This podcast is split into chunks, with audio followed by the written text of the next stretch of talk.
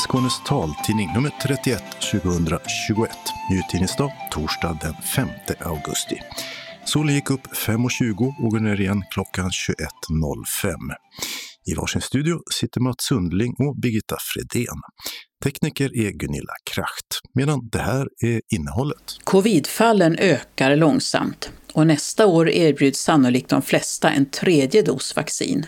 Efter nästan ett halvt års coronastängning öppnar Parasportföreningen FIF i Malmö igen.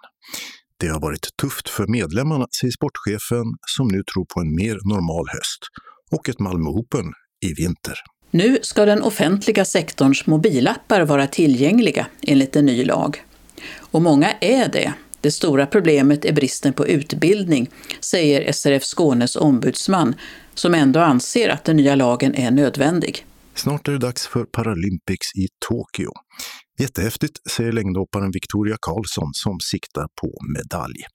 Men hon har inte bestämt sig för om hon vill fortsätta efter spelen. Lyssnar man på en talbok? Eller läser man den?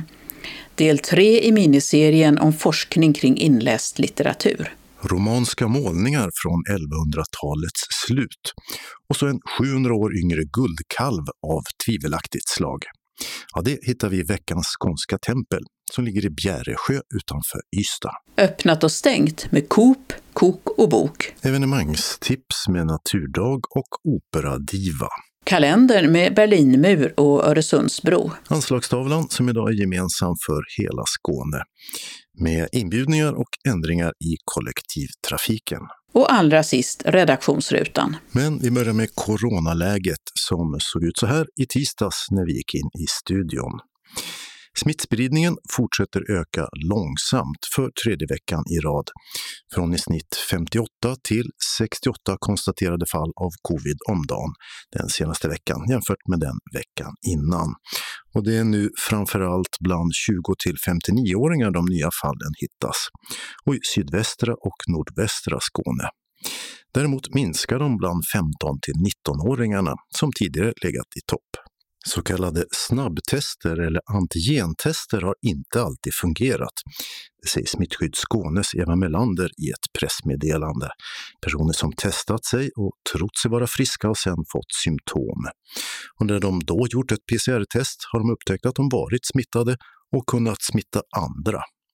Melander rekommenderar alla med symptom, som kan vara covid, att göra ett PCR-test direkt. Sådana kan bokas via till exempel 1177.se. Sex personer i Skåne var i tisdags inlagda på sjukhus med covid. Exakt lika många som en vecka tidigare. En person har avlidit. På onsdag den här veckan, alltså den 4 augusti, börjar vaccineringen av unga i gymnasieåldern, det vill säga de som är födda 2004 och 2005. I förra veckan var det en hel del strul med bokningarna för dem. Men från och med onsdag den här veckan ska det enligt Region Skåne vara möjligt att boka en tid i alla kommuner och då förstås helst digitalt. Men det är fortfarande så att inte alla former av e-legitimation fungerar hos alla vaccinatörer. Som tidigare kan man boka tid utan e-legitimation på sin vårdcentral. Och totalt har nu 831 000 av skåningarna fått minst en dos vaccin, medan drygt 555 000 är färdigvaccinerade eller fått sina två doser. Men i tisdags meddelade Folkhälsomyndigheten att större delen av befolkningen sannolikt kommer att erbjudas en tredje dos under nästa år. Beslutet om denna så kallade påfyllnadsdos har de inte tagit än och inte heller har de bestämt om det ska gälla mer sårbara grupper eller samtliga som tagit vaccinet i Sverige. FIF-hallen i Malmö öppnar igen efter att ha haft stängt mer eller mindre oavbrutet sedan våren 2020. Av pandemiskäl förstås. Och för att många av medlemmarna tillhörde riskgrupper. Men på måndag slår Skånes parasportcentrum upp dörrarna igen när pandemin ser ut att ha lugnat ner sig och många blivit vaccinerade. Nu hoppas FIF på att kunna bedriva verksamhet nästan som vanligt igen och på att världens kanske största parasportevenemang, Malmö Open, nästa gång kan hållas på riktigt. Vi ska till FIF-hallen där förberedelserna för att öppna nu pågår för fullt. FIF-hallen, som har varit stängd länge, med en skylt på dörren där det står stängt på grund av covid. Eh, fortfarande stängd, men nu är det personal här sen i måndags och här är det städning på gång i korridoren som leder in till hallarna här med dammsugare och det skrubbas i omklädningsrum och eh, fixas och donas. För Thomas Jönsson, sportchef, ni ska öppna igen. Ja, egentligen är det dags. Eh, vi har väntat länge. Och som du inledde här så, så har det ju varit stängt under snart ett och ett halvt år, även om vi har eh, haft vissa öppningar, begränsade sådana så är det ändå e-, äntligen på gång. Eh, så att eh, det är finjusteringar i hela anläggningen och under sommaren faktiskt när det har varit stängt så har vi bytt ut hela ventilationssystemet. Vissa nya golv och ja, det har hänt otroligt mycket här. Så när medlemmarna kommer tillbaka här så är det verkligen en ny och fräsch anläggning som man möter. Mm. Coronapandemin har lättat i sommar. Eh, nya restriktioner eller lättade restriktioner från Folkhälsomyndighet och, och regering har kommit. Ja, hur har ni tänkt kring att ni nu öppnar igen? Alltså för oss så har det varit svårt eftersom att det har inte bara varit att följa Riksidrottsförbundet eller Region Skåne eller Folkhälsomyndigheten utan vi har fått ta lite eh, av alla egentligen och försökt eh, översätta det till vår målgrupp om man säger. Eh, där väldigt många har varit i riskgrupp. Så att vi har försökt vara smarta, stängt ner där vi har ju känt att vi har behövt stänga ner. Och sen så eh, har vi väl öppnat upp vissa idrotter under sommaren här som har kört lite i viss begränsning. Mm. Vad får du att våga ta det här steget Nej, men vi, vi, eh, det är en balansgång det där mellan att följa alla regelverk eh, och så får man också sätta det i förhållande till eh, psykisk ohälsa. Många har mått jättedåligt av det här. Och vi jobbar ju med, med stora grupper, både med, med 65 plus men sen även våra huvudgrupper man säger med personer med funktionsnedsättning. Så att eh, vi känner att det är dags. Vi lyssnar på medlemmarna. Det är många som vill komma igång igen. Eh, Eh, och vi bedömer ändå det som att majoriteten har fått eh, eh, blivit vaccinerade så att säga. Så att det känns som att det är rätt läge nu. Vad är det för rutiner ni kommer att kräva i fortsättningen? På toaletten där ute står det tvätta händerna till men, exempel. Ja men exakt. Alltså, eh, det är ju att känna efter så att man inte är förkyld eller där utan då ska man stanna hemma. Och sen är det vara eh, noga med hygienen och vi kommer ju ha olika spritstationer, låter roligare än vad det är, men, men i alla fall. Så att man kan hålla hygienen och i viss mån även hålla avstånd framförallt vid, vid inomhusaktivitet möjligheter. Men eh, ja, det blir inte riktigt som förr, men vi, vi vill ju ändå någonstans dit så, så snart som möjligt. Vad är det som skiljer från förr? Ja, från förr så eh, det var ju närheten, eh, FIF-hallen som mötesplats för hela målgruppen egentligen. Och det är ju folk, det är inte bara Malmö utan det är hela Skåne och viss mån även Köpenhamn. Eh, och få till den här mötesplatsen som vi vill kunna vara. Sen får vi väl vänta med att kramas och, och hela den där biten. Men i alla fall att man får utlopp för det, det sociala behovet. Mm. Ja, hur har folk haft det där egentligen?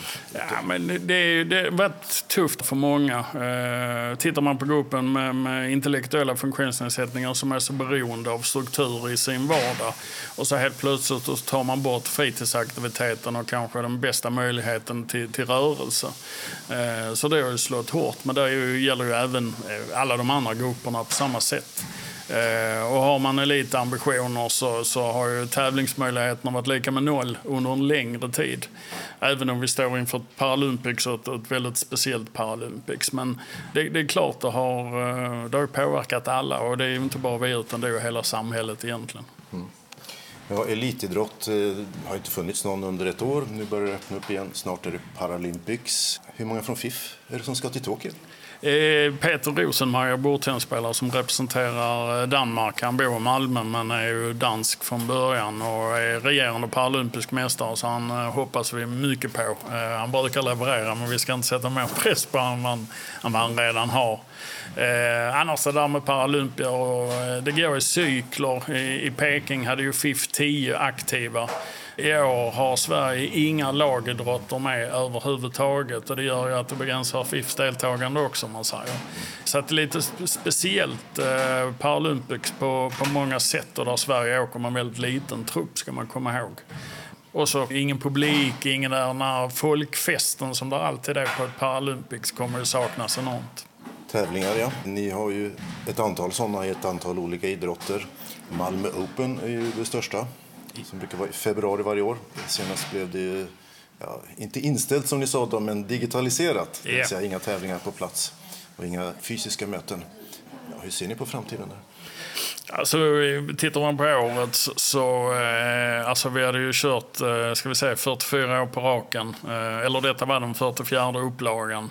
Och, eh, så det fanns inte att ställa in utan det var, var ju att tänka om liksom. Och, och eh, vi hade tittare från hela världen så förhoppningsvis har vi gjort god reklam inför eh, 2022.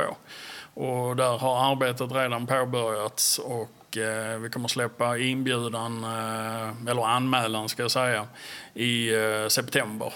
Så att det snurrar på. Det är ett stort intresse. Jag ska inte säga större än vanligt men, men det är många som är intresserade av Malmö Open. Och sen så har... Men kommer det vara ett fysiskt Malmö Open? Eller ett absolut, det är vår absoluta målsättning. Sen styr vi inte pandemin och vi får ju stå beredda eh, med både en plan B och en plan C. Men, men eh, vi tycker att med, med tanke på vaccineringen här så eh, har möjligheterna för oss att kunna genomföra ett vanligt Malmö Open ökat rejält. Mm. Så på måndag öppnar dörrarna och sen hoppas ni på att kunna fortsätta mer eller mindre som vanligt då framöver? Ja, men lite så blir det ju. Eh, det är de ordinarie idrotterna och vissa dagverksamheter som, som kör igång på måndag och sen så i september så har vi e-sport, vi har framefotboll och vi ska komma, försöka komma igång med simningen igen här. Så det är ju tre nyheter som de behöver lite längre tid för att kunna komma igång. Men de andra har ju stått beredda länge. Eh, så på måndag är det dags sa Thomas Jönsson, sportchef på FIF Malmö. Reporter var Mats Sundling.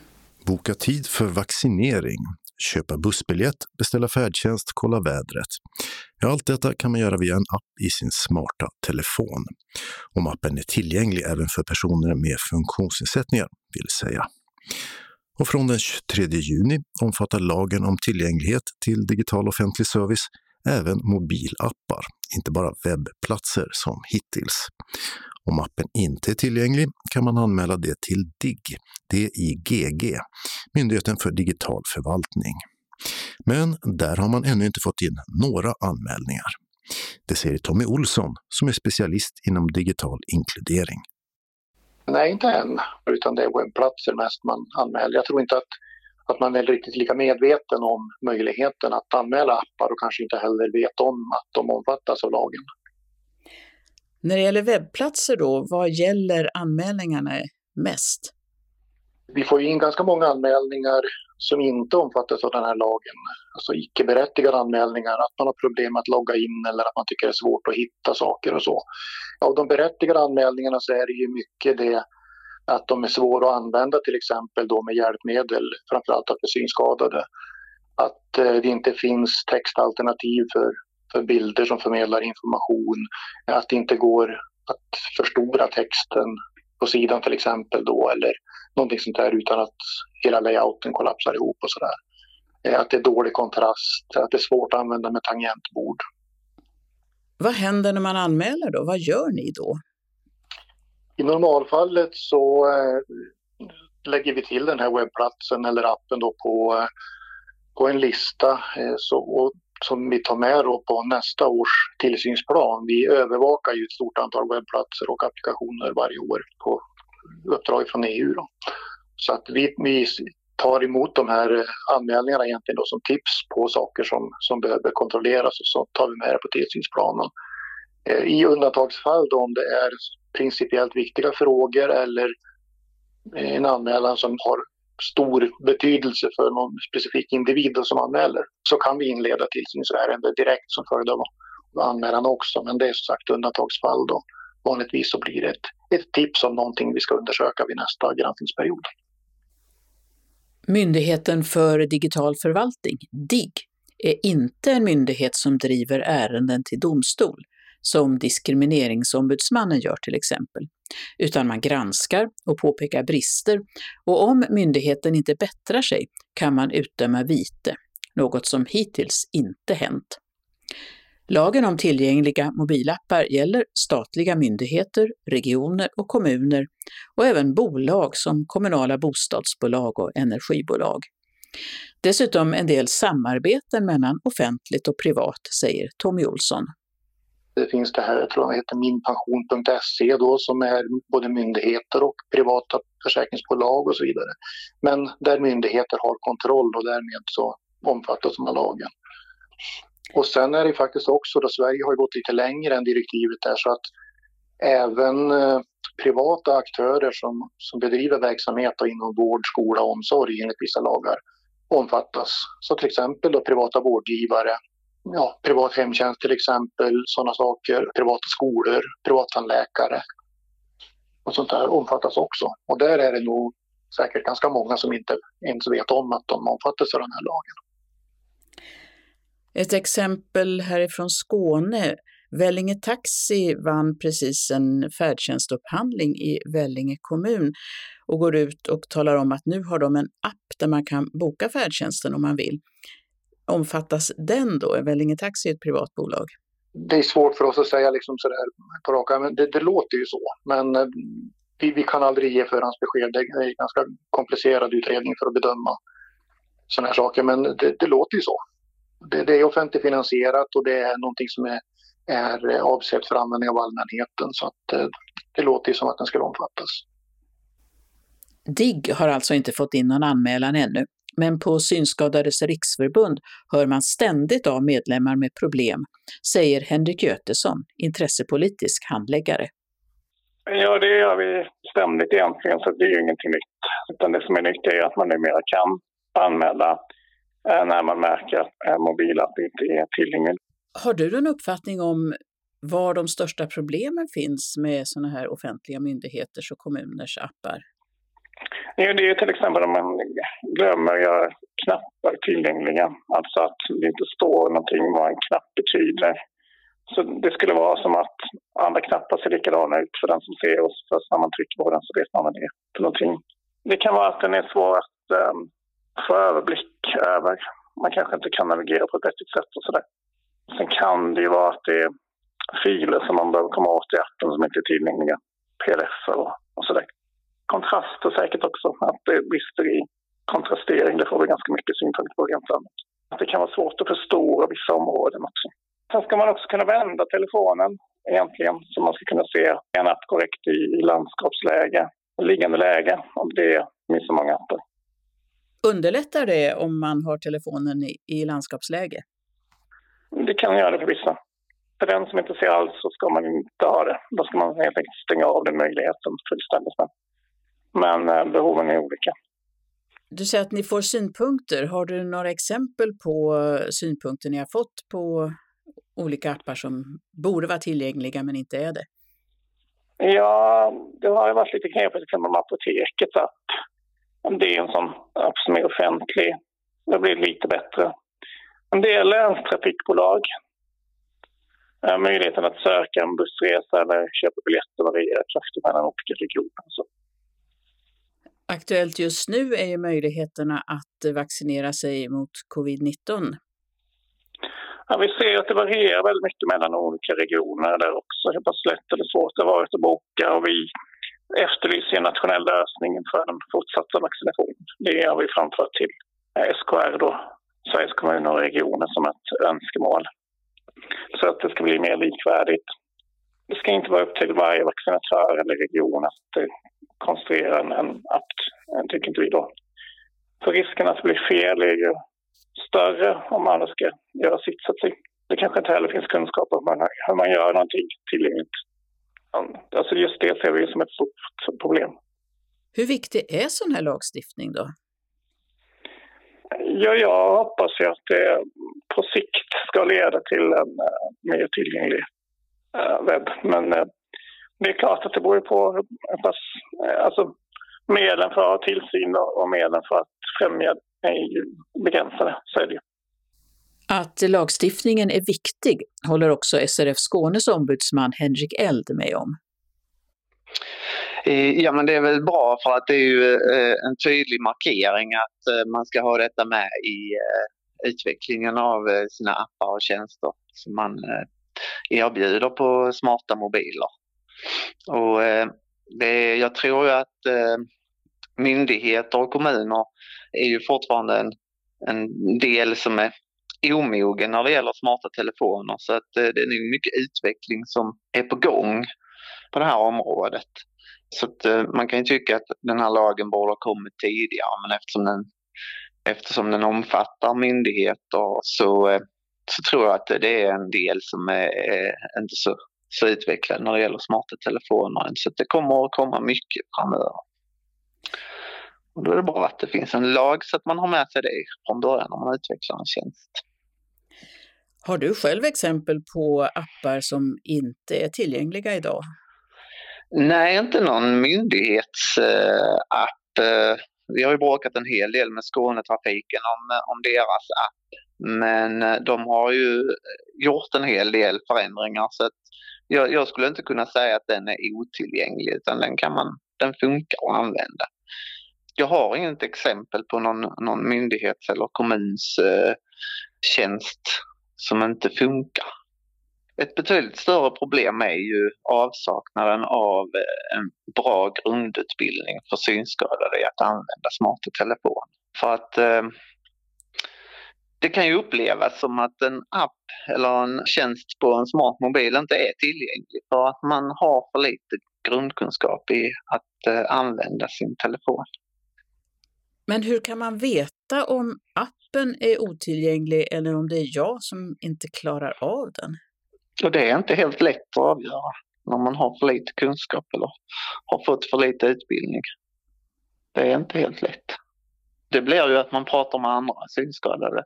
Om man då pratar med mig och säger att det här funkar inte eller den är inte tillgänglig så kanske jag säger jo men den är tillgänglig men du måste göra så här och så här och så är det lite gester och, och tricks som man behöver ta till sig för att klara av det. Och tittar man på en, en vanlig tjänst för alla så är det ju 1177. Det är ju jättemånga som tycker att det inte är riktigt tillgängligt och så men där, där är inte direkt några tillgänglighetsbrister utan det är mer användarvänligheten, användbarheten som brister. Att det är för krångligt. Och det finns ju en app för 1177 också. Så att man ger upp liksom för att det är inte självklart hur man ska navigera i tjänsten. Och det, det där är ju någonting som jag liksom kan diskutera med mina seende familjemedlemmar och de förfasar sig lika mycket över 1177 som jag på mobilen och, och stöter på samma problem som jag. Otillgänglighet ska i första hand anmälas till den myndighet eller kommun som står bakom appen eller hemsidan, säger Tommy Olsson på det, det den här lagen säger det är att webbplatser och även appar då som, som omfattas av lagen eh, så ska de ha en tillgänglighetsredogörelse. Långt kom, komplicerat ord men att på webbplatsen eller i anslutning till appen då så ska det finnas en sån här redogörelse. Där ska man kunna läsa sig till då som användare om eh, hur de uppfyller lagen, om det finns några kända brister som de håller på att jobba med, om de åberopar några undantag det finns något enstaka undantag man kan åberopa som webbplatsägare och, och så vidare. Men så ska det också där finnas då dels en möjlighet att kontakta den offentliga aktören och påpeka brister om man upptäcker någonting som inte fungerar. Ja, som är ett problem då för att man har en funktionsersättning så ska man ju i första hand använda den funktionen och kontakta den här aktören och påtala det här och be att de fixar till det. Och eh, om de inte gör det eller om man av någon anledning då inte vill kontakta aktören så ska det också finnas en länk till DIGGs anmälningsfunktion som finns på vår webbplats. Man kan gå in på DIGGs webbplats och hitta den den vägen naturligtvis, men det är inte alla som vet. Och som sagt, eh, jag uppmanar ju alla som stöter på problem på offentliga webbplatser och offentliga aktörers mobilapplikationer att kontakta aktören och påtala det här. Och hjälper inte det så anmäl till DIGG.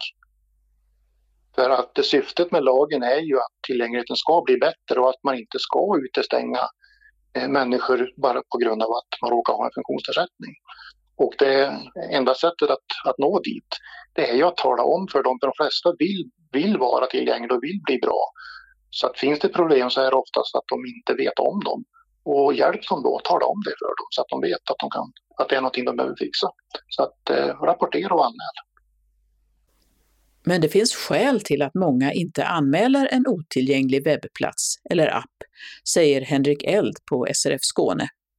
Jag tror att det är så här också att det är inte så himla lätt att anmäla heller. Det, det kräver en viss eh, nivå av kunskap för att anmäla en otillgänglig webbsida eller app. För det är oftast eh, på, eh, över internet man ska göra det. Så man skiter nog helt enkelt i det. Man struntar i det för det är för krångligt. Och bara konstaterar att det här funkar dåligt. Eller det går inte att använda. Sa Henrik Eld, ombudsman på SRF Skåne. Vi hörde också Tommy Olsson, specialist inom digital inkludering på DIGG, Myndigheten för digital förvaltning. Och Henrik Götesson, intressepolitisk handläggare på Synskadades riksförbund. Och vill man anmäla en otillgänglig offentlig mobilapp kan man hitta ett formulär på DIGGs hemsida, digg.se, eller ringa 0771 11.44.00. Reporter var Birgitta Fredén.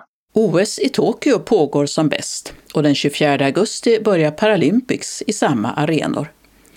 En av de fem svenska synskadade idrottarna som ska dit är längdhopparen Victoria Karlsson som bor i Göteborg och som tog silver i EM i Polen tidigare i sommar. Det här blir hennes andra Paralympics och kanske även det sista. Och så här säger Victoria om att hon snart ska tävla i detta parasportens största evenemang. Nej, men jättehäftigt. Det var ju en eh, enorm upplevelse i Rio. Så att jag, jag är väldigt glad och stolt över att få, få komma på ett till. Så får vi se hur det ter sig med tanke på alla restriktioner och så. Men eh, det kommer bli häftigt oavsett. Mm. För nytillkomna lyssnare och läsare, Eh, du tävlar i längdhoppet och i en av de här tre synskadeklasserna, om vi börjar i den ändan. T11, vad betyder det egentligen? Ja, precis. Det finns som du sa tre klasser eh, för synskadade och de heter 11, 12 och 13. Och eh, 11 är då den klassen för de som ser minst, alltså vi som inte ser någonting alls. Och där måste man också ha mörklagda glasögon när man tävlar. Och så finns det då 12 för de som ser lite bättre. De får välja om de vill tävla med guide eller inte.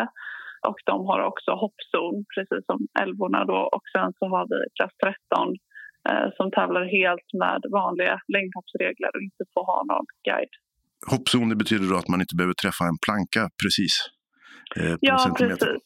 Man har eh, en meter på sig att stampa av istället för 20 eh, centimeter och så mäter de, om man är inom den metern så mäter de från där man sätter ner eh, sin fot. Mm. Du är 24 år fyllda, från Söderhamn från början och din friidrottskarriär har varit lång eh, trots din ålder. Där. Tre EM-guld har du hunnit med att ta tidigare. Eh, brons i VM för några år sedan och femma i senaste VM 2019. Då var det bara centimeter från medalj. EM tidigare i somras i Polen så tog du silver, 4,70, ditt längsta hopp på flera år, sa du då. Eh, ja, hur är formen nu egentligen? Ja, men precis. Jag har haft lite skadebekymmer där sen jag tog mitt eh, pers eh, på 4,77 2018. Så att det var en enorm skön känsla att få till ett, ett bra hopp nu under början av sommaren och att få vara skadefri och känna att det funkar igen. Eh, så jag ser väldigt positivt på det som, som komma ska och eh, tror att det kan bli bra. Men det kommer också vara otroligt jämnt och tajt mellan oss som, som slåss om medaljerna. Så eh, det gäller att prestera på topp när man väl är där. Ja, vad tror du krävs? 4,77 har du hoppat som längst, 4,70 nu i sommar. Vad tror du behövs för att vara med i toppen? Ja, det kommer handla om centimeter fram och tillbaka men jag tror att bronsmedaljen kommer då kommer det krävas runt 4,80, mellan 4,80 och 4,90 Sen för silver och guld så, så kan det komma att bli över fem meter som krävs. I alla fall för guldet. Eh, du hoppat 470 tidigare i sommar. Det låter ju som det skulle kunna tänkas ligga inom räckhåll. Ja, absolut. Det är inte omöjligt, men det gäller verkligen att pricka formen den dagen. Det har varit ett ovanligt pandemiår för hela världen och eh, för idrotten har inte kommit undan den heller. Inga tävlingar. Hur har du förberett dig under det här året? Har du lyckats hålla trycket uppe i träning och liknande? Ja, vi har ändå haft tur. Alltså, vi har kunnat träna på som, som tänkt. Eh, ingenting har stängts ner eller så, men det är klart att det är tufft mentalt när man har siktat in sig på ett datum och sen ska det plötsligt bli ett år extra. Men eh, jag tycker att vi har gjort så gott vi har kunnat och att vi ändå har kämpat på. Och, eh, ja, men jag tror inte att det har varit någon nackdel för mig i alla fall. Dels så kan man ju köra mycket utomhus och tävlingar och så har ju kunnat köras hyfsat. Ehm, sen så har vi tränat mycket inomhus på vintern också. Men eh, eftersom att vi eh, är klassade som elitidrottare då så har vi haft tillgång till hallen hela tiden, vilket har varit väldigt värdefullt. Nu är det sommar och restriktioner har släppts och det är möjligt att tävla igen. Har du varit på några tävlingar eller hur laddar det? Ja, vi har kört några nu efter EM eh, med lite blandade resultat. Helt okej, okay, men inga toppnoteringar. Men det har också varit att efter EM så går vi ner i en tyngre träningsperiod så vi har mer tävlat för erfarenheten och för, för att träna på att tävla så att säga. Så att, eh, nu ska vi tävla igen till helgen och nu börjar det bli lite mer intressant när man börjar släppa lite på träningen igen. Mm. Släppa på träningen för den som inte har friidrottstränat, vad betyder det att träna ner sig? ja, men det är att man eh, kör väldigt mycket. Alltså det blir stor kvantitet och tyngre vikter i gymmet och så, så att man blir ganska trött och sliten i kroppen och då är det ju klart att den explosiva och snabba delen som man måste ha när man hoppar blir lidande av det. Men sen när man släpper då på träningen så att man minskar kvantiteten, minskar vikterna, då får man tillbaka det man har tränat innan och så lyfter man sig till, till en formtopp istället. Då. Sen har ju du, som alla andra svenska idrottare, ju sysselsättning bredvid längdhoppsgropen, så att säga. Det är ingen som är proffs här. Eh, studier just nu och du har pluggat matematik och molekylär biologi tidigare. Det är samma spår som gäller fortfarande. Ja, precis. Jag har fortsatt mina studier. Jag tog en kandidatexamen i molekylärbiologi där och nu så pluggar jag ett masterprogram i tillämpad datavetenskap. Eh, för jag vill kunna jobba, analysera biologiska data på, på dator då. Så att jag har ett år kvar på det. Mm. Vad ska du göra med det sen?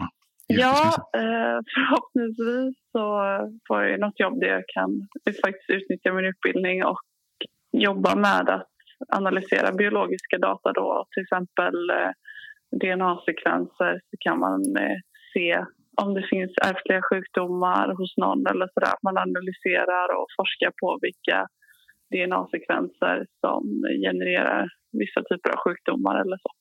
Mm. Eh, det låter krävande i mina öron. Eh, hur går det att få ihop med friidrottandet? Jo, men det är mycket att göra, så är det. Men eh, jag får ju anpassa både studierna och idrotten så att jag får ihop det. För det, det måste man göra. Det är också två saker jag vill hålla på med båda två. Så att eh, man får se till att, att det funkar. Och sen så får man ju, om det är mer intensiv period i idrotten så får man dra ner lite på pluggandet och tvärtom. Så eh, det har funkat hittills. Tokyo, ditt andra spel, eh, kommer att fortsätta sen med längdhoppet? Ja, det är en jättesvår fråga. Jag har faktiskt inte tagit ställning till det än. Just eftersom att det har blivit uppskjutet ett år. Och det är alltid ganska speciellt inför ett mästerskap. Du har tränat mycket och sen så kommer du dit och det blir antingen succé eller så blir det inte så bra. Och det är väldigt mycket känslor inblandat så att det är ganska dumt att ta sådana beslut i samband med mästerskap tycker jag. Så att, eh, eh jag åker dit, sen så har vi vilomånad och sen så får man eh, ta ställning till hur framtiden ser ut efter det. Så jag har faktiskt inte funderat i de banorna än. En medalj, eller rent av ett guld, skulle ett bra resultat få dig att vilja fortsätta lite mer? Ja. Eller kommer du vara nöjd och mätt och lägga av då, tror du? Nej, men jag tror inte att resultatet i sig har sån himla stor inverkan och det är just därför jag inte heller vill tänka på sådana saker i, i samband med de känslostormarna för att det är bättre att ta det när man är mer eh, stabil. För jag vill inte att resultatet i sig ska ha en inverkan på vad jag väljer att göra där. Sa Victoria Karlsson, som tävlar i Tokyo den 27 augusti. Reporter var Mats Sundling. Och så har vi kommit till sista delen i vår miniserie om Cecilia Björkén Nybergs forskning kring inläst litteratur, där hon bland annat utgår från möten med deltagare i en talbokscirkel i Halmstad. Och den här gången är frågan ifall man lyssnar på eller läser en talbok. Ja, det här är ju någonting som, som diskuteras mycket. Jag tycker väl att just um, alltså ljudboken, om man här man lyssnar eller man läser, jag tror de flesta skulle väl säga att de lyssnar och att de oftast lyssnar när de gör någonting annat. Uh, men jag vill ju också mena på att varför skulle man inte kunna sätta sig ner och bara lyssna? Och man kan också lyssna och, nu talar jag om ljudboken, läsa texten. Det är en väldigt intressant upplevelse, vilket jag då har gjort i den här studien. Men jag tror att talbokslyssnare gärna vill betona att de läser, att det är läsandet som är det viktiga. Och de kanske inte alla har möjlighet att göra massa saker samtidigt utan mitt intryck i alla fall utav de deltagarna som jag träffar är att de, de sitter och lyssnar på talboken och det är någonting som jag skulle vilja att man gjorde mer med ljudboken, att man, man ägnar det talade ordet i skönlitteratur då, eh, ger det ens odelade uppmärksamhet för då hör man väldigt många saker. Eh, sen tror jag att man, man upplever på olika sätt om man springer eller om man rör sig. Men det är också vilken typ av text det är. Jag har också haft väldigt starka upplevelser av att lyssna på litteratur där man i boken rör sig, går och jag går samtidigt. Alltså det blir en, en extra effekt så att det är också vilken typ av litteratur det handlar om. Men du vill inte höra någon som går i radioteaterform i boken? Eh, faktum är att det kan tillföra, det kan vara så att, eh, att det läcker in ljud utifrån kan faktiskt ge en extra dimension åt upplevelsen. Det kan bero på vad det är för ljud givetvis, men det är väldigt intressant. Och precis där så gick det också folk bredvid och läckte in i inspelningen. Är det en rättighetsfråga för de du träffar att betrakta talbokslyssnandet, läsandet just som läsning? Eh, det upplever jag att det är och eh, just när man talar om litteratursamtal och att kunna vara med i det sammanhanget rent demokratiskt har man ju rätt att delta i kulturaktiviteter som, som vem som helst. Och bara för att man har en funktionsvariation så ska man ju inte vara exkluderad. Så jag tycker att det här är också en väldigt viktig fråga på det sättet att man är med på liksom lika villkor som andra och att då talboken är en väldigt, väldigt viktig aktör här och att man är medveten också om hur den läses in och att det har den effekten eh, som det har på upplevelsen av en skönlitterär text. Det sa Cecilia Björkén Nyberg, docent i engelska med litteraturvetenskaplig inriktning vid Högskolan i Halmstad. Och I löpsedeln på vår hemsida finns länkar till de föregående två inslagen om hennes forskning kring röstens betydelseskapande potential. Reporter var Dodo Parikas.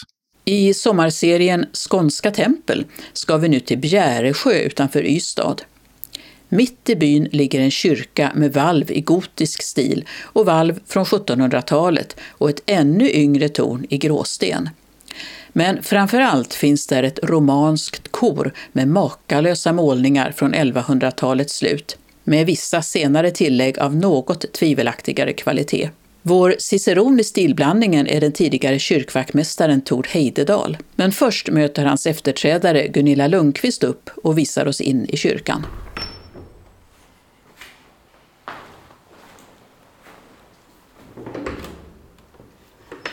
Eh, det var ju någon lokal, nu ska vi se, nu kommer jag inte riktigt ihåg när, det är länge sedan. Men eh, då var det någon lokal eh, krabbarpare tydligen som ritade dit någon figur och sådär. Så försökte de väl återställa det år 2000 så gott det gick till ursprunget.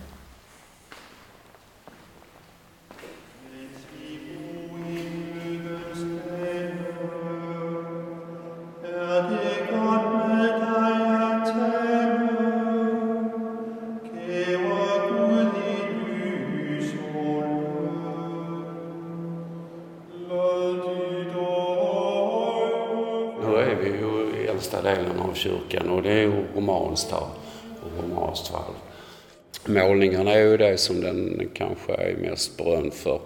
Eh, hela sviten är ju kvar i de romanska målningarna. Sen har det då eh, legat en kungsgård norr om kyrkan. Och eh, där är det slottsfrun där som har eh, kontakter i Tyskland. Hon kommer från Tyskland. Och det är 1200-tal? Ja, slutet på 1100, skarven 1100, 1200. Och då tar man hit eh, tyska munkar som målar. Och de, varje ansikte här, eh, det är väldigt konstnärligt gjort. Sen har man eh, tyvärr satt på, eh, det fanns en farbror som hette Nils Månsson Mandelgren. En fantastisk man tycker jag. Han plockade ju fram dem eh, 1850 någonting. Under sitt arbete fann Mandelgren att bakgrundsfärgen till de bibliska scenerna med figurer i fotsida klädnader försedda med gyllene glorior i reliefmönster den färgen var gjord med halvädelstenen malakit som gav en ljust turkosaktig fond.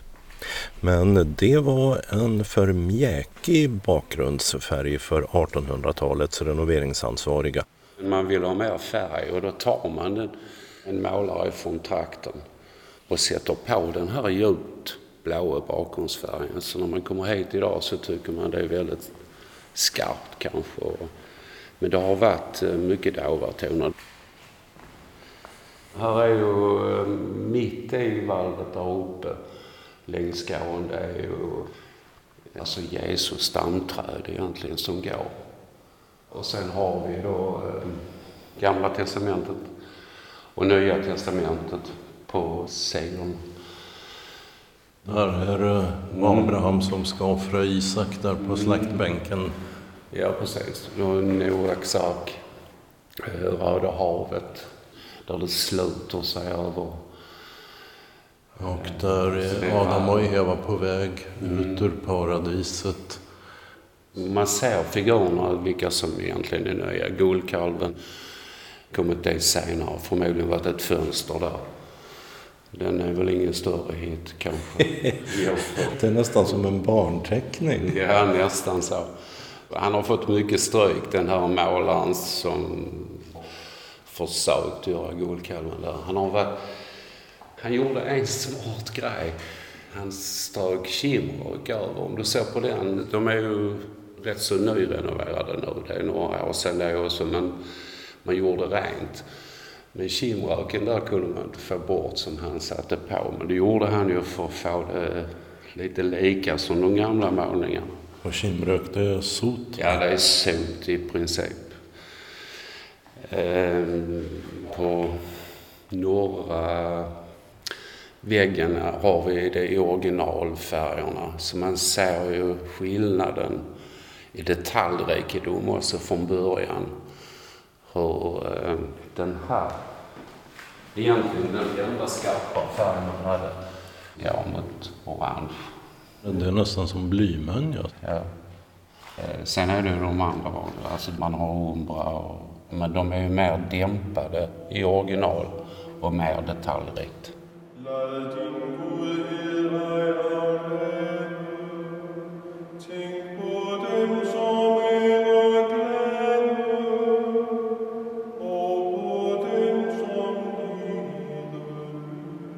Jag kan tycka det är fantastiskt att, att det kan vara färger och figurer kvar från 1100-talet som man, om man har velat visa församlingen.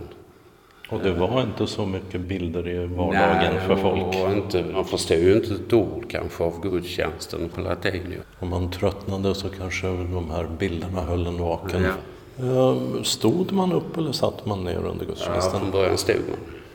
Läskunnigheten bland vanliga gudstjänstbesökare var nog mest av allt icke-existerande när målningarna tillkom. Men faktum är, skriver forskaren Inger Ahlstedt Yrild i sin avhandling och i hopp om det eviga livet att det kan ha funnits texter uppe i taket här i Bjärresjö kyrkas romanska äldsta del, även om de inte syns där vi står och att det bör ha funnits åtminstone någon läskunnig, kanske i Kungsgården. Figurerna ser för övrigt inte vidare muntra ut. Nej, de ser rätt så bistra ut tycker jag. Många av figurerna faktiskt har de stängt ögon. Eller så har det varit svårt för honom att måla ögon kanske. Även här får man hjälp av Lundaforskaren Inger Ahlstedt Yrild. Jesus, profeterna och alla andra bibliska figurer vi ser här, de blundade inte från början utan har haft både ögonvitor och irisar eller pupiller. Men redan när Nils Månsson Mandelgren på 1800-talet knackade fram målningarna under putsen så syntes ögonen inte längre. Och vi går ut genom under många olika århundraden tillkomna tillbyggnader. Till de gotiska spetsigare valven har en ledande kvinna på Kungsgården intill beställt bilder av kvinnliga helgon. De gotiska målningarna är målade på vitkalkat de är inte så konstnärliga som man tittar på de romanska. Eftersom det är slottsfrun som förmodligen bekostat målningarna här så har hon velat ha kvinnliga helgon. Det är inte så mycket kvar av de bilderna men i alla fall lär det ha varit kvinnliga helgon. Samtidigt ges en annan glimt och den kommer från 1500-talet. På kyrkbänken längst fram står herremannens namn på sydsidan vid hans fasta plats medan kvinnorna satt på norrsidan separat men med namn de också ifall de var av stormannasläkten. Man satt väldigt rangordnad. Vi har ju några av Skånes äldsta bänkavlar från 1500-talet här. Och då satt Björnkaus främst som var slottsherre på Bergsjöholm. Och han klarade sig bra mellan danskarna och svenskarna och har varit väldigt duktig inom ekonomin så danskarna och svenskarna gillade han.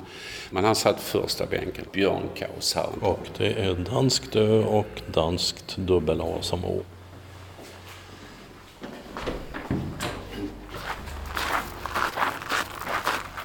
Nu när vi kommer mot koret igen, då går vi mot de äldre delarna igen. Och här kan man ju rätt tydligt se det gotiska fönstret och det romanska fönstret. Och det är rund båge och spetsig ja. båge precis enligt regelboken. Ja, mm. så är det.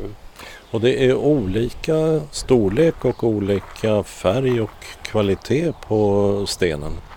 Det är ju sandstenen, sen är det en som går mer mot torf som är lite grövre. Men man ser ju också eh, vittringarna på sandstenen. Hur det, nu är det ju ganska eh, nyrenoverat utvändigt också så man har bytt några eh, av dem. Jag läste någonstans att det här faktiskt liknar Lunds domkyrka. Vad är det som är det? Ja men det är friserna som ligger där uppe. Och det är ju någon som tycker att det är en liten eh, rent eh, stilmässigt en liten minikopia av vissa delar av domkyrkan. Så det har förmodligen varit några stenhuggare som har haft känslan med sig därifrån. Den runda delen som alltså är så att säga baksidan på altaret, så ser det ju också ut i Lund. Ja, ja precis. Där anar man ytterligare ett mm. romanskt fönster som är igensatt. Är det där klåparen hade varit mm, framme och målat. Mm, guldkalven på andra sidan. På andra sidan kan vi se eh, förtagningarna där man har rivit träkyrkan. Förtagning, vad är ja, det? Ja, då är det en skarv kan man säga. Som, alltså så att man bygger i stötar och sen fortsätter. Finns det några spår av träkyrkan kvar? Nej, det kan kanske vara något virke som man har använt till något.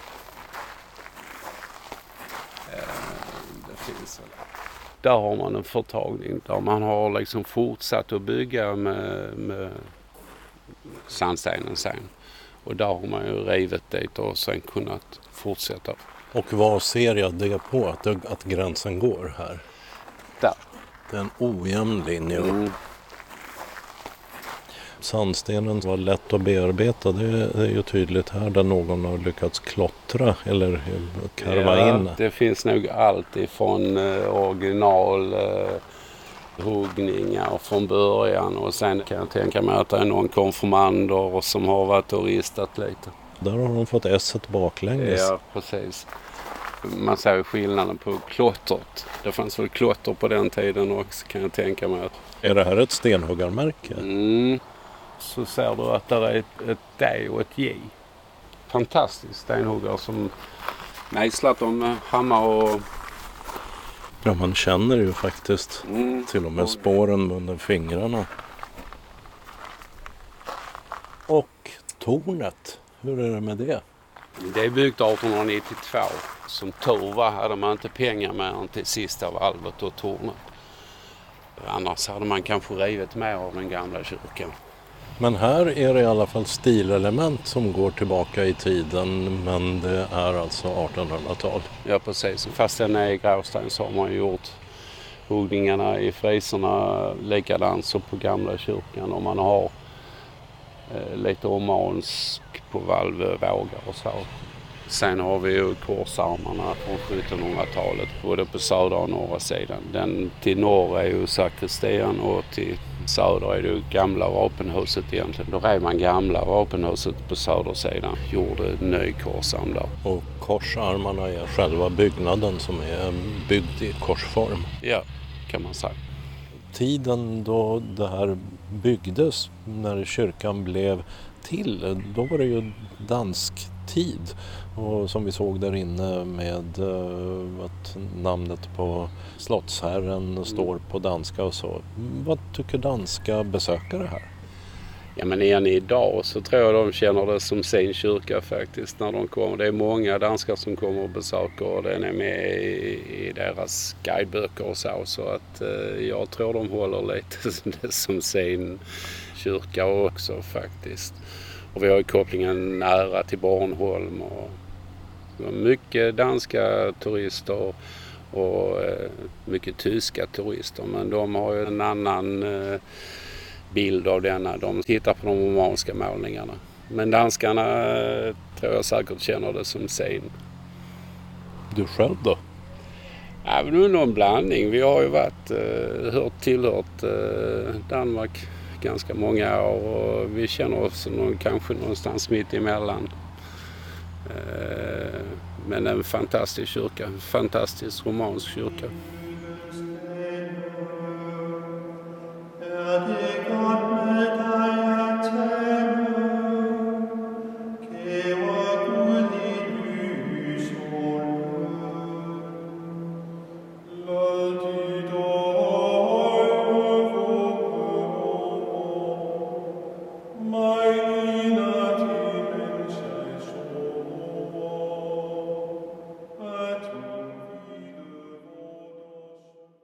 Och den som tyckte sig höra sång på danska har alldeles rätt.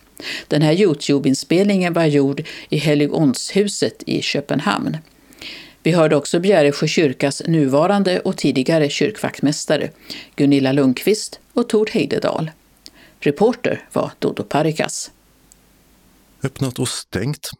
I Bårstahusen i Landskrona har Coop öppnat butik med en egen delavdelning. Adressen är Kung Hans väg 1. På samma adress hittar man också djuraffären Spiggens Zoologiska. Och i samma byggnad har också gymkedjan STC öppnat ett sånt. Och de ligger allesammans i den nya stadsdelen Norra Bårstahusen, som enligt planerna ska få 1100 bostäder när det är färdigbyggt. I Lund har One Hotspot yogastudion på Råbygatan flyttat till Kiljansgatan 17. Där bedriver man, som namnet antyder, yogan i en extra varm studio. I Lund har Hantverksbageriet och kaféet Widerberg och Co gått i konkurs och stängt.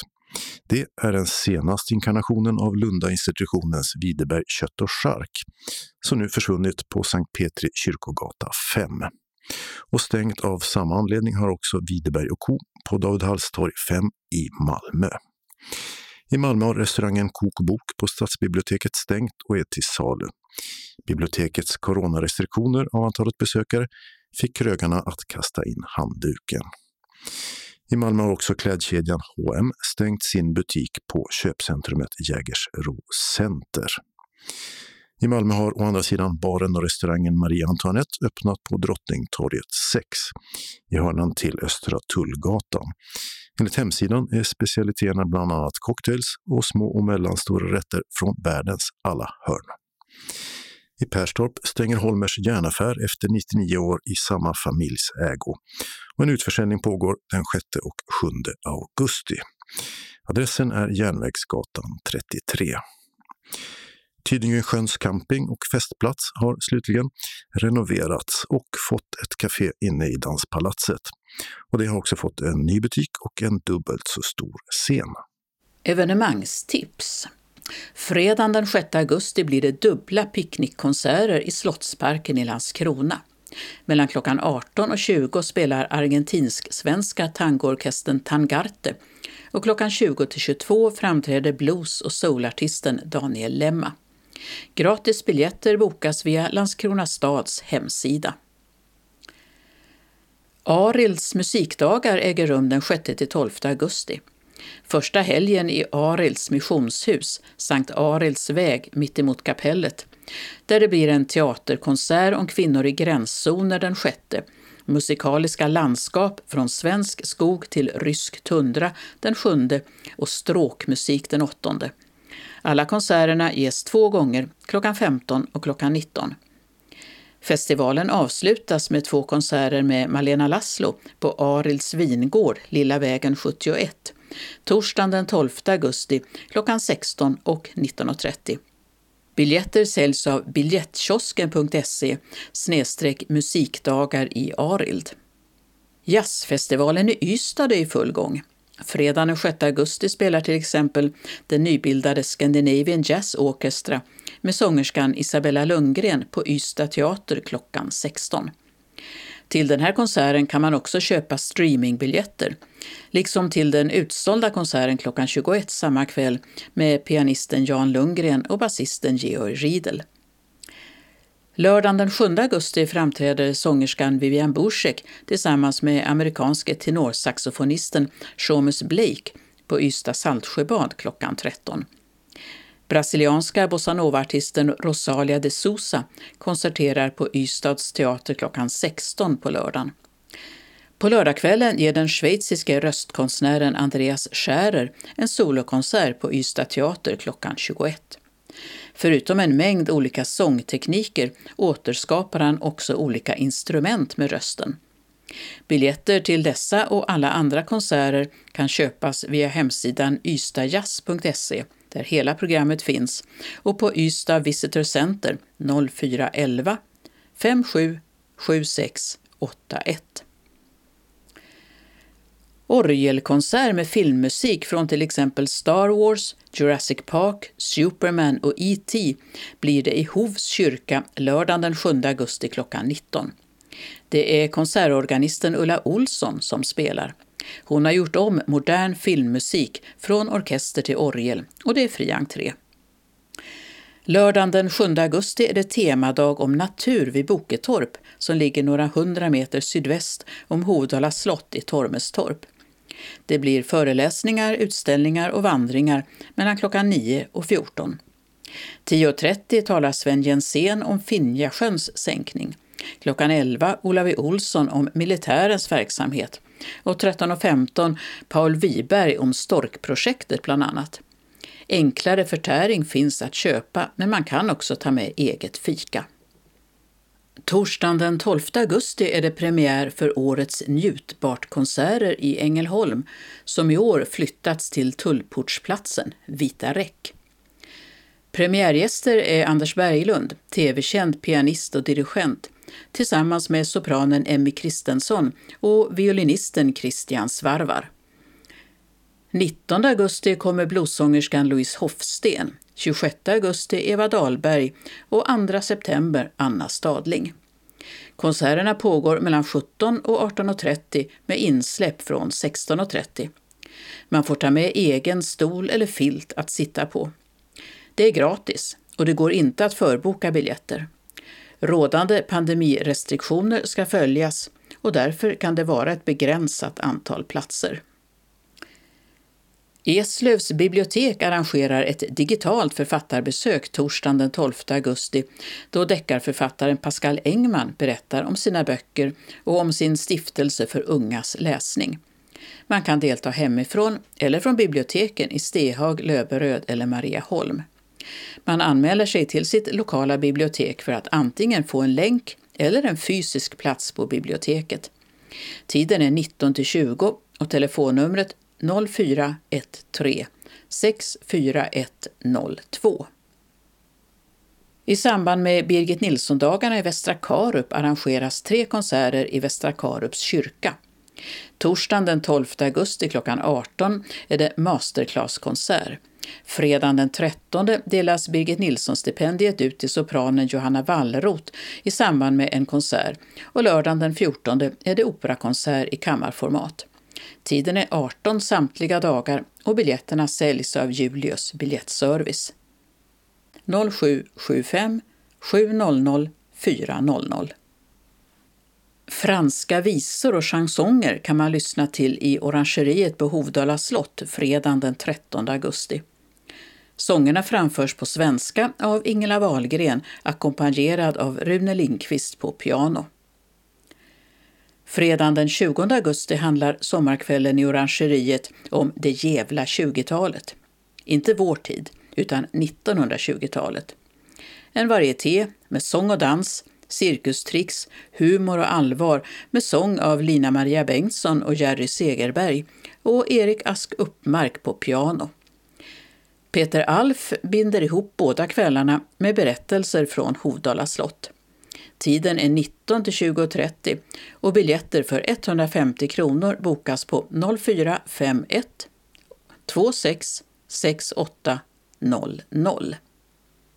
Trädgårdskonsert blir det på Backagården i Billinge lördagen den 14 augusti klockan 18.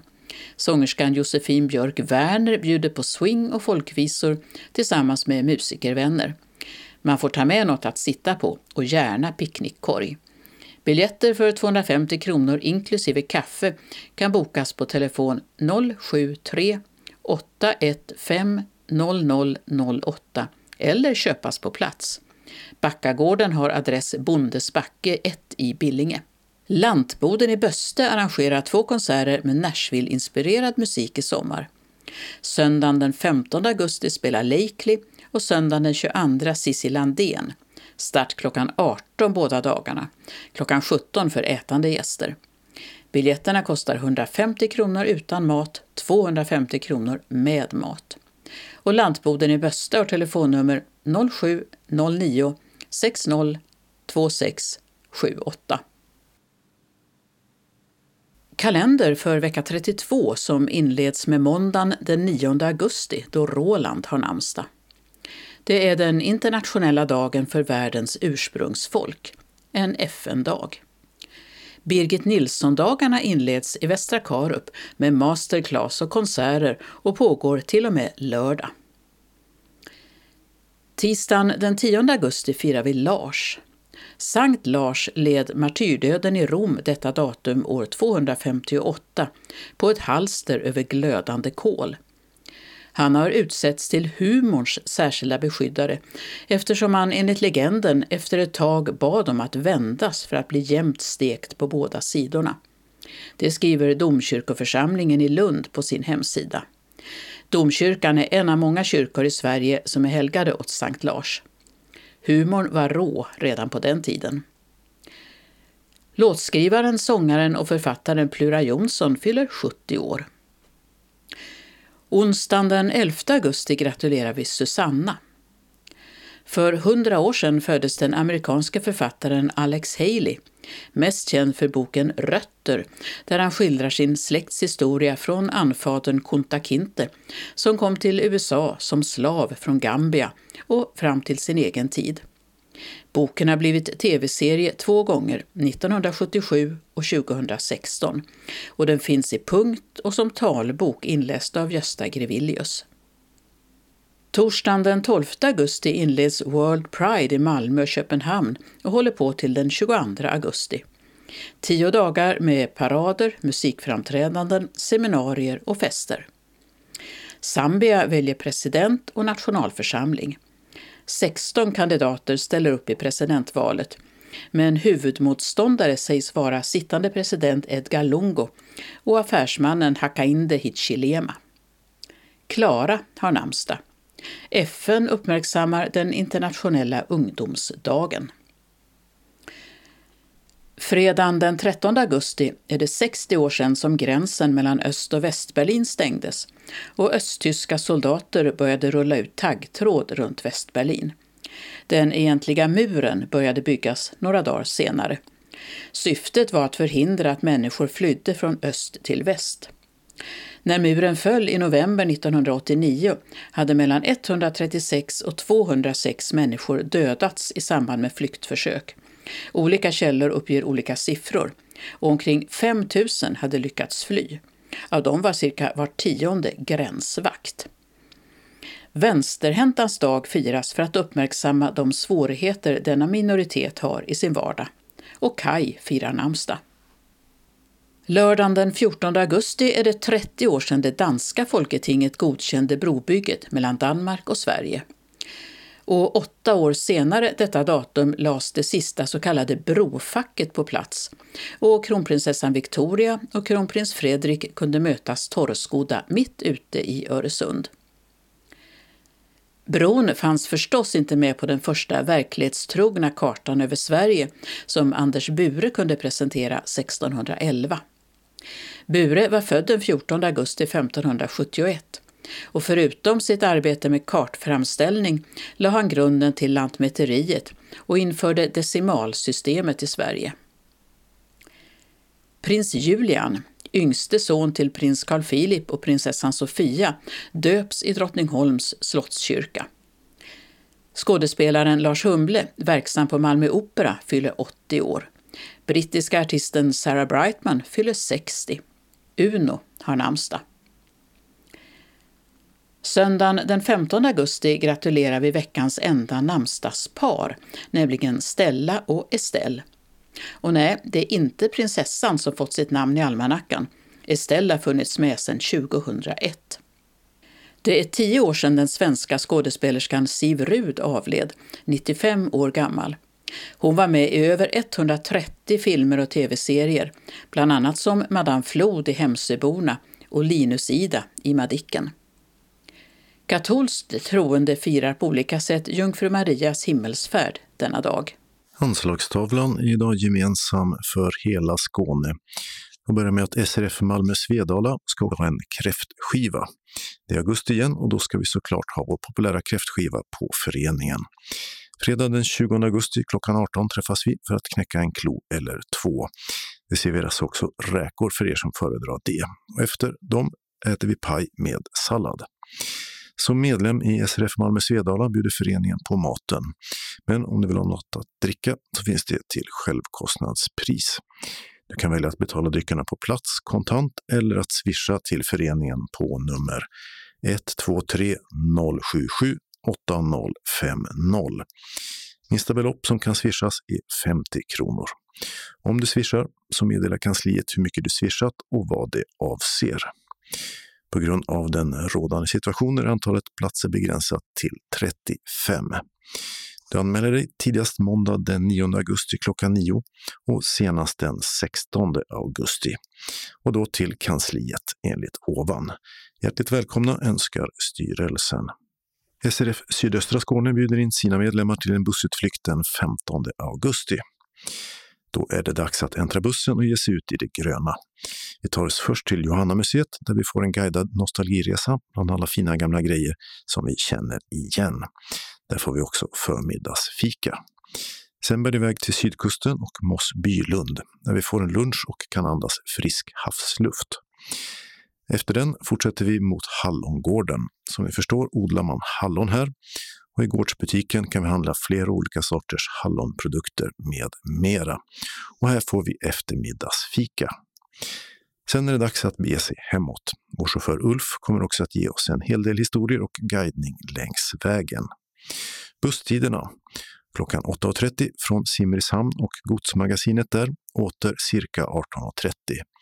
Klockan 9 från Tomelilla och Lidl, åter cirka 18. 9.30 från Sjöbo och ICA Kvantum, åter cirka 17.45.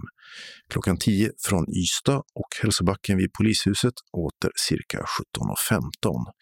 Ni Skurup tar er på egen hand direkt till Johanna museet i Sandåkra. Ni ska vara på plats klockan 10.30. Återresan sker till Skurup från torget i Skivarp klockan 16.55. Pris för bussutfärd, förmiddagsfika, lunch och eftermiddagsfika 300 kronor för synskadad medlem, lika mycket för stödmedlem som är ledsagare till synskadad medlem och för enbart stödjande medlem kostar det 695 kronor. Anmäl dig senast söndag den 8 augusti till Marion och Jan Magnon på telefon 0736 503818 eller till Vicky Svedrell 0708 37 53 58. Uppgiv anmälan om du har rullstol eller rollator, egen ledsagare, ledarhund eller är i behov av särskild kost. Du betalar in avgift på bankgiro 5435-4303 eller via Swish till 123 441 5071. Vi ser helst att du betalar din avgift via dessa alternativ så vi slipper hantera kontanter. Anmälan är bindande, vilket innebär att om du uteblir utan giltigt skäl debiteras du för hela föreningens kostnad. Medlemmar som har kostnader för anslutningsresor till bussen får dessa ersatta efter vi fått kvitto eller kopia på färdtjänstfakturan senast tre månader efter utfärden. Så skriv in kalendern bussutflykt den 15 augusti. Hjärtligt välkomna ut i det gröna hälsar styrelsen för SRF Sydöstra Skåne. Så en rättelse och en ursäkt från Synskadades förening SRF Trelleborg med omnöjd. Hej vänner! Jag vill ärligt och uppriktigt be om ursäkt för den vilseledande information som ni fick med inbjudan till Lilla Beddinge Teaters föreställning Julia Capulet torsdag den 29 juli. Går man in på Lilla Beddinge Teaters hemsida möts man av en information om föreställningen. Där kan man på första sidan läsa citat. Vad hände egentligen under de där få dagar, timmarna, då Julia och Romeo träffades? Pappa Capulet och Julia hade båda en plan. Allt gick fel, tror vi. Under 90 minuter öser tolvmannabandet musik inspirerad av svensk folkmusik, världsmusik och dramatisk musikalmusik till Shakespeares verser och texter. Och slutcitat. Det är den texten jag kopierat i inbjudan. Nu är det inte bara jag som gjort felet att anta att 90 minuter är den riktiga speltiden. Exempelvis Visit Trelleborg ger samma info på sin sida. Men under fliken Aktuellt på teaterns hemsida hittar man texten under två timmar och 40 minuter öser bandet musik etc. Som sagt, jag kan bara be om ursäkt och hoppas att ni trots allt kom hem ordentligt. Jag vet att våra vänner från Höganäs och Båstad tyvärr var tvungna att bryta i halvtid. Riktigt hur Malmöborna kom iväg vet jag inte. Men de som fick olägenheter och dyrare reskostnader uppmanar jag till att skicka in resekvitton till vår kassör Ulf Bingsgård. Antingen via papper och snigelpost eller hellre om ni kan via e-post. Ulf har e-postadress ulf.bingsgard med ett B som är Bertil i början, telia.com. Och adress Ryttargatan 10, 231 52 Trelleborg. Självklart ska ni kunna lita på den information som ni får när vi bjuder in till trevligheter. Hoppas detta är och förblir det undantag som bekräftar regeln. Med förhoppningar om en fortsatt trevlig sommar. Undertecknat Lars Billgren som kan nås på telefon 0708 32 19 07. SRF Ängelholm Båstad har en inbjudan till medlemsmöte onsdag den 25 augusti klockan 14 till 16 på Torgträffen, Gasverksgatan 25 i Ängelholm. Istället för vanligt öppet hus sista onsdagen i månaden kommer detta att bli ett traditionellt medlemsmöte då vi ska välja föreningsrevisor. Vi har en kandidat så det är bara det formella valet som ska göras. Vi kommer även att informera lite om höstens aktiviteter och styrelsen kommer att presentera sig lite mer. För det finns några nya i styrelsen som ni kanske inte känner. Vi kommer att bjuda på kaffe och något extra gott till. Och som vanligt vid medlemsmöte kostar det ingenting. Anmälan ska göras till Marianne Jönsson på telefon 070-710 45 79 eller e-post Marianne Jonsson, J-O-N-S-O-N, siffran 95, snabel gmail.com. Senast onsdag den 18 augusti, så vi vet hur mycket av det goda som ska finnas. Alla hälsas varmt välkomna av styrelsen för SRF Ängelholm Båstad. Vi avslutar med några tillfälliga ändringar i kollektivtrafiken. Tågen påverkas till att börja med av banarbeten från lördag den 7 augusti klockan 22.05 till söndag den 8 augusti klockan 6.05 kan inga tåg köra till och från Helsingborg C. Öresundstågen mellan Landskrona och Ängelholm är då inställda, liksom pågatågen mellan Helsingborg och Gantofta, Maria Förslöv, Landskrona och Mörarp. Och de ersätts av bussar. Från söndag kväll nu i helgen då alltså, stänger råbanan för arbeten och tågen tar en annan väg mellan Lund och Helsingborg efter klockan 21.30 fram till torsdag den 12 augusti. Stängt har då stationerna Eslöv, Marieholm, Teckomatorp, Billeberga, Tågarp, Vallåkra och Gantofta. Och från tisdag den 10 augusti stoppar banarbeten alla tåg mellan Helsingborg och Hässleholm från 21.30 på kvällarna till klockan 4.30 till och med fredag den 13 med bussar som ersätter. Och busstrafiken så. I Vellinge börjar man nu på fredag ett större vägarbete som från klockan 10 stänger korsningen Börjesgatan och Perstorpsgatan och därmed hållplatsen Vellinge C fram till den 8 oktober. Regionbusslinjerna 150 och 151 får en tillfällig hållplats på Ängavägen, cirka 250 meter västerut, medan regionbuss 379 får en på Malmövägen, cirka 250 meter åt nordväst. Och det gäller i bägge riktningar för alla bussarna. I Fjälkinge i Kristianstads kommun börjar man asfaltera på Kumlevägen klockan 9 på måndag den 9 augusti. Och regionbuss 558 får ta andra vägar i riktningen mot Nymölla. Hållplatsen Fjälkinge Fjällbacka lägger av, stänger och ersätts av en tillfällig hållplats på Gamla vägen, cirka 100 meter norrut och strax väster om rondellen i närheten. Den 3 september klockan 16 ska den ordinarie hållplatsen öppna igen. Och I Svedala slutligen har vägarbetena som stängt delar av Kyrkogatan försenats än en gång och sägs nu vara klara den 16 augusti klockan 8. Regionbuss 141 hållplats Svedala Stortorget, läge A, fortsätter att vara flyttad 100 meter bakåt i bussens färdriktning till dess. Och det beskedet det var det sista i veckans Skånes taltidning. Nästa nummer kommer nästa torsdag den 12 augusti. Skånes taltidning ges ut av Region Skånes psykiatri och habiliteringsförvaltning. Ansvarig utgivare är Martin Holmström. Postadress Jörgen Ankersgatan 12, 211 45 Malmö. Telefon 040-673 0970. E-post Skanes taltidning snabela skane.se och hemsida skanestaltidning.se. Observera att cd-skivorna inte ska skickas tillbaka till oss. Såväl skivor som kuvert kan läggas i brännbara sopor när ni inte längre vill ha dem. Vi hörs igen. Hej då!